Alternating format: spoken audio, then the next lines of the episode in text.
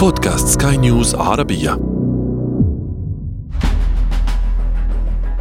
في سبتمبر من 2021 تم الإعلان عن اتفاقية جديدة بين الولايات المتحدة وبريطانيا وأستراليا تحمل اسم أوكوس.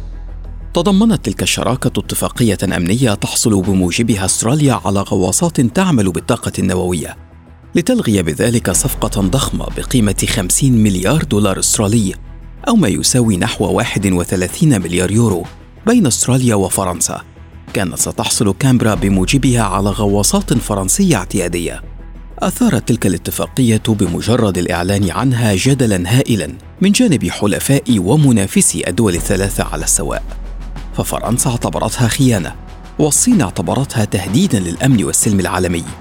كما دشنت الاتفاقية تحالفا جديدا بين الدول الثلاث برغم وجودهم في قلب تحالف آخر يضم حلفاء شديد الأهمية لواشنطن ما الذي رمت إليه الولايات المتحدة من تشكيل هذا التحالف الجديد؟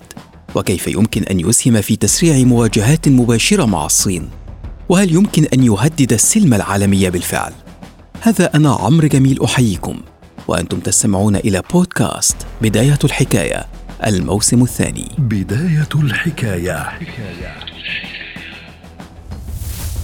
في عام 1946 وقعت الولايات المتحدة وبريطانيا اتفاقية سميت باتفاقية UK-USA كانت تلك الاتفاقية تتويجا لجهود مخابراتية وأمنية مشتركة بين الجانبين خلال الحرب العالمية الثانية لمواجهة ألمانيا ثم تحولت لمواجهة الاتحاد السوفيتي خلال فترة الحرب الباردة.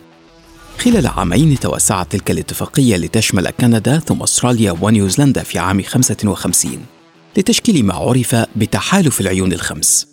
كان ذلك التحالف الذي عمل لعقود طويلة في الخفاء ومن دون الإعلان عنه يعمل كرأس حربة ليس ضد الاتحاد السوفيتي فقط وإنما لتحقيق أهداف ومصالح أعضائه في كل منطقة حول العالم. لعب دورا كبيرا في دعم الولايات المتحدة في حربها في فيتنام وفي مواجهة تحركات الاتحاد السوفيتي في منطقة آسيا والمحيط الهادئ إبان الحرب الباردة. لعب أيضا دورا بارزا في الحرب التي خاضتها بريطانيا ضد الأرجنتين لاستعادة جزر الفوكلاند.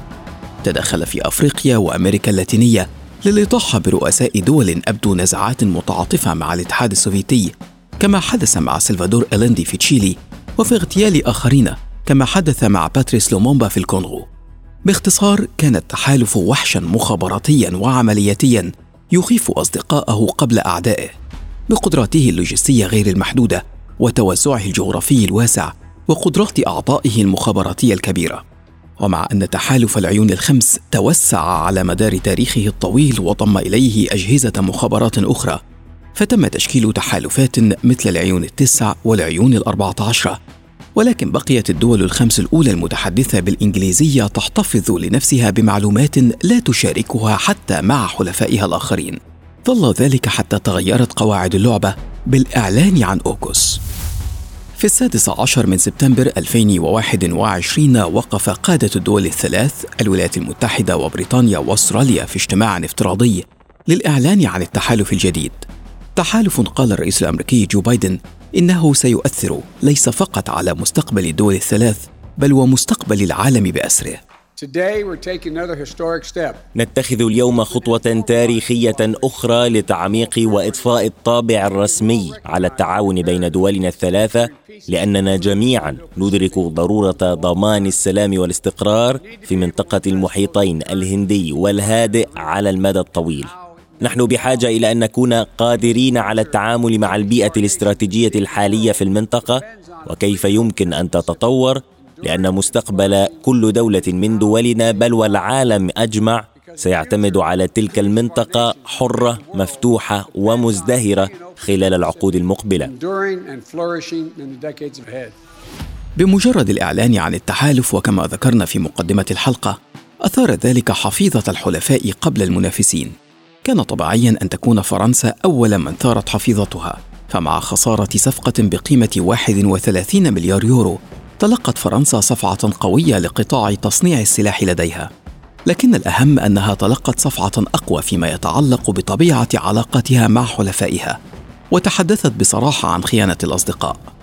ربما يكون السؤال هنا هو لماذا أقدمت الولايات المتحدة في الأساس على ذلك؟ لماذا أقدمت على إغضاب حليف تقليدي كفرنسا؟ وفتحت جبهة جديدة للخلاف. في وقت لم تبرد فيه خلافاتها مع حلفائها الأوروبيين بسبب ما جرى من الانسحاب الأمريكي المتعجل من أفغانستان. هنا تكمن كلمة السر في الصين. في سبتمبر من 2018 وقعت واحدة من أخطر المواجهات البحرية بين الولايات المتحدة والصين في منطقة بحر الصين الجنوبي بعدما أوشكت سفينة حربية صينية على الاصطدام بمدمرة أمريكية لتتوقف السفينتان على بعد يقل عن 40 مترا فقط عن بعضهما البعض. لم تكن تلك المواجهة الوحيدة من نوعها بين الجانبين بل كانت ضمن عشرات الحوادث التي سجلت منذ بداية الألفية الثانية بين الصين والولايات المتحدة في المحيط الهادئ ولا سيما في بحر الصين الجنوبي الذي تتصاعد المنافسة عليه. بحر تمتد مساحته لما يقرب من ثلاثة ملايين وخمسمائة كيلو متر مربع ويعد مع البحر المتوسط أكبر بحار العالم بعد المحيطات الخمسة.